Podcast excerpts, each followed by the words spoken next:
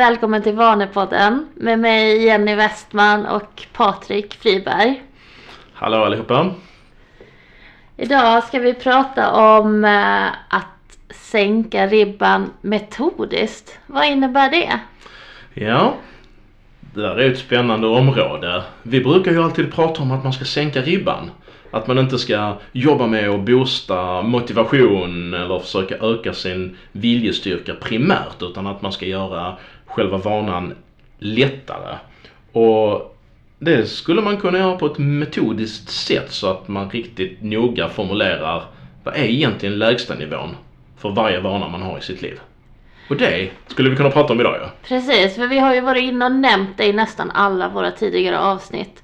Om att man måste se över nivån, ha den lägsta nivån som man klarar av och sänka ribban. Det är ju ord som vi har använt väldigt mycket men vi har inte haft ett helt avsnitt om det. Och eh, gå in lite mer på detaljer, hur gör man detta? Men då måste det ju betyda att folk ofta har för hög ribba också ju. Ja. När har man då liksom för hög ribba? Eh, jag tänker på det sätt som folk är vana att jobba eh, målstyrt kanske. Och eh, tidsbegränsat. Man jobbar under en kort period, 10-20 veckor, man har ett projekt eller köpt lite PT-timmar. Det finns liksom en tidsbegränsad, eh, ja. Man har en tidsram, man är med i en stegtävling kanske. Det är tidsbegränsat till några månader. Då kan man eh, gå väldigt mycket mer än vad man har energi och förmåga till att upprätthålla under längre tid kanske. Mm. Och då pratar många om disciplin.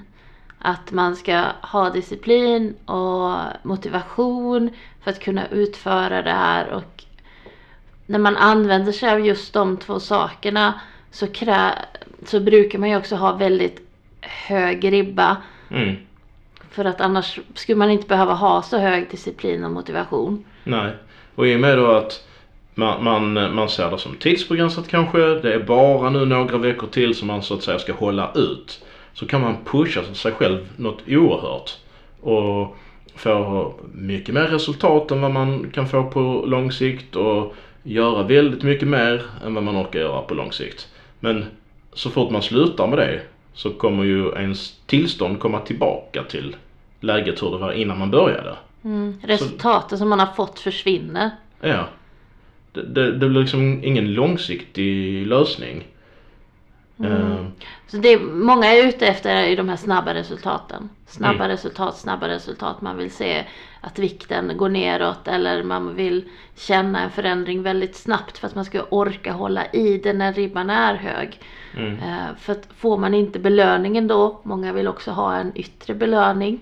Eh, genom att se resultaten så är det väldigt svårt att vidmakthålla det när det är väldigt tungt att jobba så. Mm. Eh, och eh, sen är det ju det också, vill man ha snabba resultat som försvinner? Eller vill man faktiskt ha resultat som håller? Precis. Och väldigt många människor har ju eh, upprepade erfarenheter av snabba resultat som försvinner. Man kanske, eh, för oss som är lite äldre, och kanske många har 20-30 års erfarenheter av snabba resultat som, som försvinner. Att man liksom anstränger sig i perioder där man får då möjlighet att boosta sin motivation med nyårslöften eller med eh, olika typer av projekt eh, tillsammans med andra eller någonting som är tidsbegränsat eller med sitt företag. Och när man kommer i mål så slutar man antingen direkt eller successivt och så trillar man tillbaka i samma liksom, tillstånd man var tidigare. Mm. Och det är lite det man brukar kalla perioder också. Mm. Och, och eh, liksom, ja, jag skulle nog tro att kanske 95% är perioder när det gäller mycket kring vanor. Speciellt hälsovanor som jag har mest erfarenhet av. Men, men säkert med mycket annat också. Mm. Jag stöter ju nästan på det dagligen, både folk jag pratar med men också när man hör eh, människor prata på, på tåget eller liknande så hör man dem ju prata om det här. Ja men träning, nej men ja, ja vi skulle ju behöva det men det blir ju inte av och det är så svårt att börja. Och just det här med att ja, men börja på måndag eller börja vid nyår eller liksom när det blir en omstart i livet är ju det många kör med. Ja men, ja, jag ska börja efter mammaledigheten eller efter semestern. Att man skjuter upp det till någon specifik dag. Mm, så blir det någon typ av jämna talens logik i kalendern liksom. Mm, När det eh, händer ett skifte eller ett ge- jämn, en veckostart eller någonting som är jämnt så eh, försöker man använda det som en motivationsboostare. mm, eh, För, för att liksom orka mer. Men man hamnar ändå i det i periodarträsket om vi får uttrycka det så liksom. För att eh, motivationen tar slut, den varierar. mm, Den är olika i olika eh, både dagsmässigt men också i förhållande till årstider och till saker som händer i ens liv och, och stressnivåer och arbetsbörda och, och relationsstatus och så vidare. Ja, men när man har en så här hög eh, ribba, hög nivå, så då blir det ju tungt. Det blir jobbigt, man vill inte, man skjuter det framför sig, det blir inte av. Eh, Man blir väldigt, väldigt missnöjd också när man bryter den här perioden på några veckor som kanske har fungerat också Mm. och resultaten försvinner. Så det blir ju egentligen en ond cirkel. Mm. Ja det blir det. Och då mår man kanske dåligt en period och man, man kanske också tappar kraft till att göra nya försök liksom. För det gick ju dåligt senast.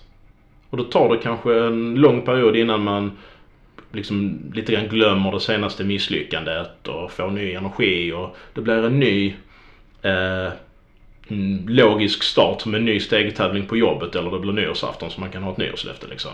Mm. Så gör man ett nytt försök och så får man en ny eh, vända i den här eh, eh, periodar berg och dalbanan liksom.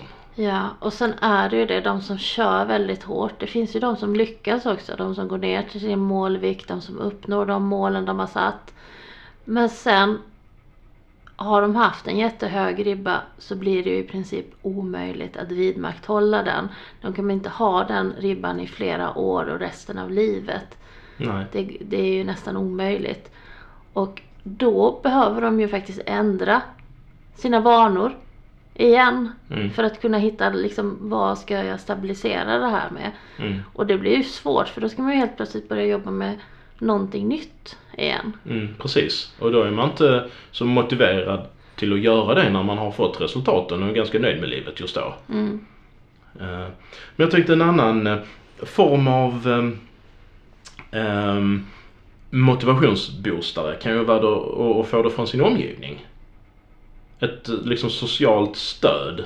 Så när man antingen är en grupp som gör förändring tillsammans, att de peppar en eller pressar en.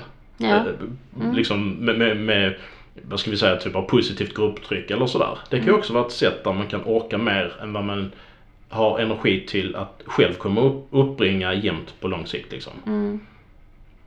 Men, och problemet med det är ju att kanske det här stödet inte finns på samma sätt alltid. Precis, man behöver ju också bli självständig i den. Mm. Det är ju mer hållbart om man kan hitta en självständighet, om kraften kan komma inifrån så att säga. Ja. Jag tror också att många idag lägger ut på sociala medier sina framsteg, sina framgångar och får väldigt, väldigt mycket kanske beröm och positiv uppmärksamhet Mm. som ger en boost där. Mm. Men helt plötsligt så tar den här, eh, alltså det försvinner om man inte själv kan visa upp resultaten då och fortsätta med det. Mm. Så försvinner ju också den här boosten från, som man får från eh, omgivningen där. Absolut. Och, och vissa lägger ju ut eh, löften om förändring också på sociala medier. Mm. Att nu ska jag ta tur med det här och att man, man tänker det ska vara en förpliktigande kraft liksom. Precis, och det vet jag att vi har läst i några av våra böcker som vi har eh, kring vanor. Mm. Där de faktiskt lyfter det som en positiv aspekt. Att eh, ja, men om du lägger ut det här på sociala medierna så blir det ändå en drivkraft för att du ska bli motiverad att genomföra det. Mm. Mm. Och det, det kan det vara. Men sen samtidigt om man då inte lyckas så eh, blir det ju en negativ eh, erfarenhet att när man då får frågor på sociala medier om hur det går mm, och precis. erkänner misslyckandet och då, då blir det liksom en negativ Så eh, vi, känsla tänk, istället. vi tänker ju lite annorlunda kring det. Mm. Utan vi... Om, skulle du vilja berätta lite grann kring eh, minimummetoden som vi har valt att döpa den till? Mm, absolut. För då kan man ju tänka så här att eh, hur kan man eh, skissa på ett system där man eh, alltid kan upprätthålla alla vanor som man har. Mm. Eh, och då när vi då tar eh, allt det här i åtanke som jag har nämnt hittills, att man ibland har socialt stöd, ibland inte, att man ibland är motiverad, ibland inte, ibland har man hög disciplin och ibland inte. Ibland så är livet jätte, jättetufft, kanske på jobbet och mm, relationsmässigt och så vidare. Och ibland så är det kanon. Då har vi ju enormt olika eh, kraft till att göra våra, utföra våra vanor. Om vi då leker med tanken att vi funderar på eh, den sämsta dagen under en femårsperiod. Vad klarar vi av att göra den dagen? Och då skulle vi kunna säga att det är ju eh, ett absolut minimum. Eh, då måste vi kanske sänka ribban maximalt på alla våra vanor. Mm. Men om vi leker med tanken att vi gör det då? Så vi sänker ribban maximalt på alla våra vanor. Och det är det som vi har krav på oss själva att klara. Ingenting annat. Precis. Då kraven på faktiskt ett absolut minimum. Och mm, om man om man ska ta något exempel på det då. Eh, ska vi ta något städexempel till exempel? Ja, jag vet ju att jag har nämnt innan eh, min sängbäddning. Så om ni har lyssnat på avsnitt innan så eh, kommer det igen. Men eh, med den här metoden då. Jag hade lite svårt att, att få min säng bäddad på morgonen. För att jag fick inte till vanan ordentligt och jag har väldigt många kuddar och täcken och allt, filtar och överkast. Eh, men min minimummetod var ju att stoppa första kudden till rätta. Mm. Och det var verkligen det som krävdes för att jag skulle komma igång med vanan på ett bra sätt. Mm. Och det har jag faktiskt hållit också. Mm. På min sämsta dag. Så ja, kudden ska vara där den ska. Puffa till den lite grann. Eh, men överlag så blir det oftast att ehm, vanan automatiser- är så pass automatiserad för mig så att när jag stoppar första kudden så gör jag det andra automatiskt. Det tar inte jättelång tid. Mm. Eh. Men, men det viktiga är ändå att, att liksom eh, du är nöjd med att ha tagit en kudde. Precis, jag är nöjd med det. Ja. Mm. Och då har du, har du liksom, då är du nöjd med ett absolut minimum.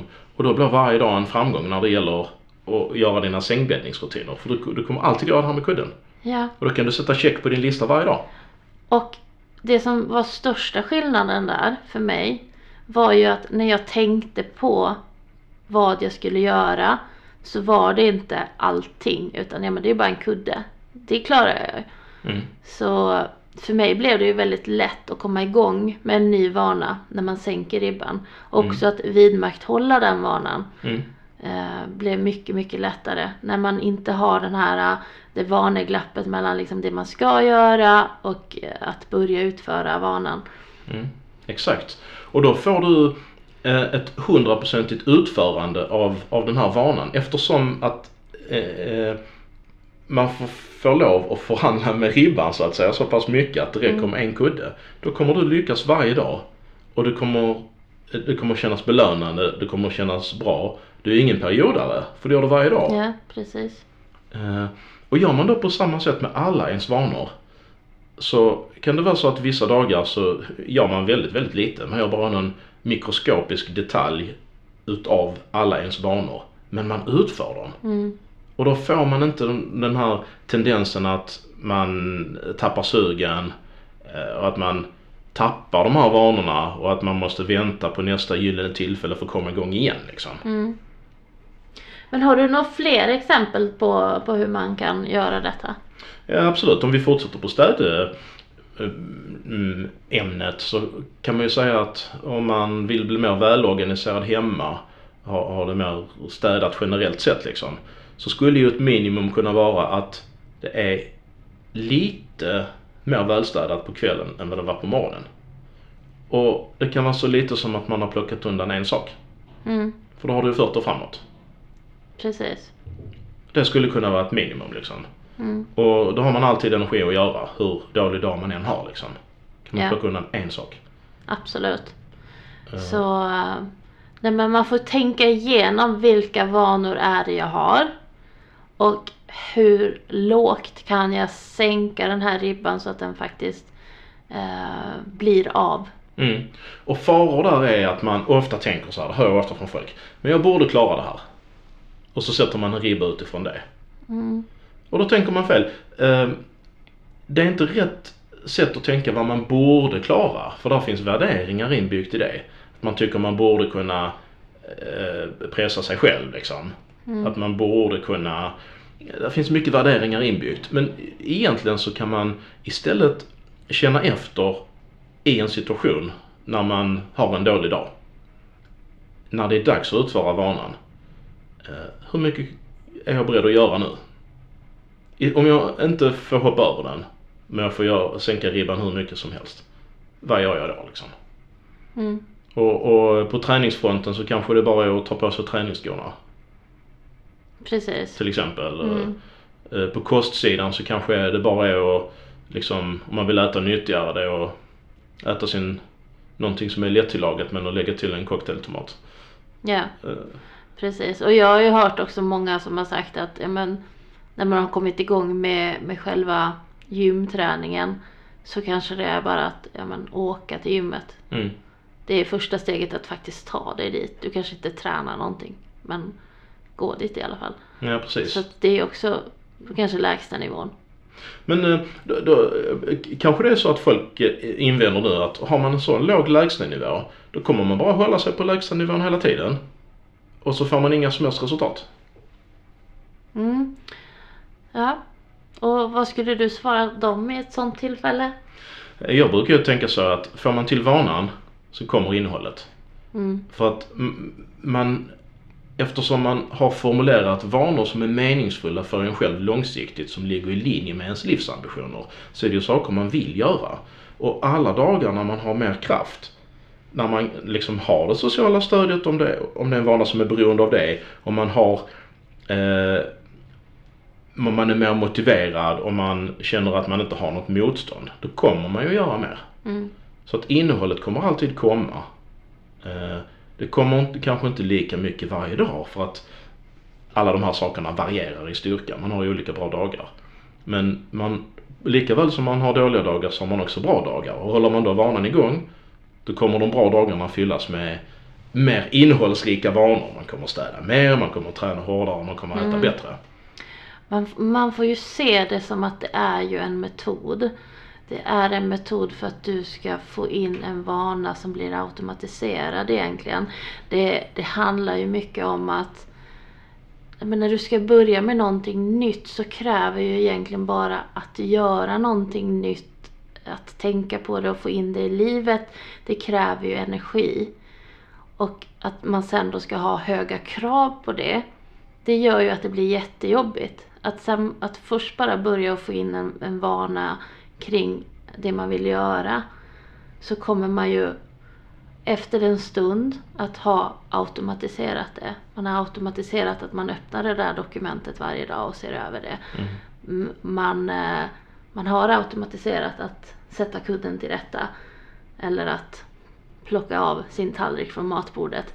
Alltså de små momenten när de sker automatiskt så blir det ju att man, ja men då kan man ju se över dem igen. Mm. Och kanske höja upp ribban lite grann också. Man får ju se var, det är ju inte så att allt alltid kommer vara på samma nivå. Nej.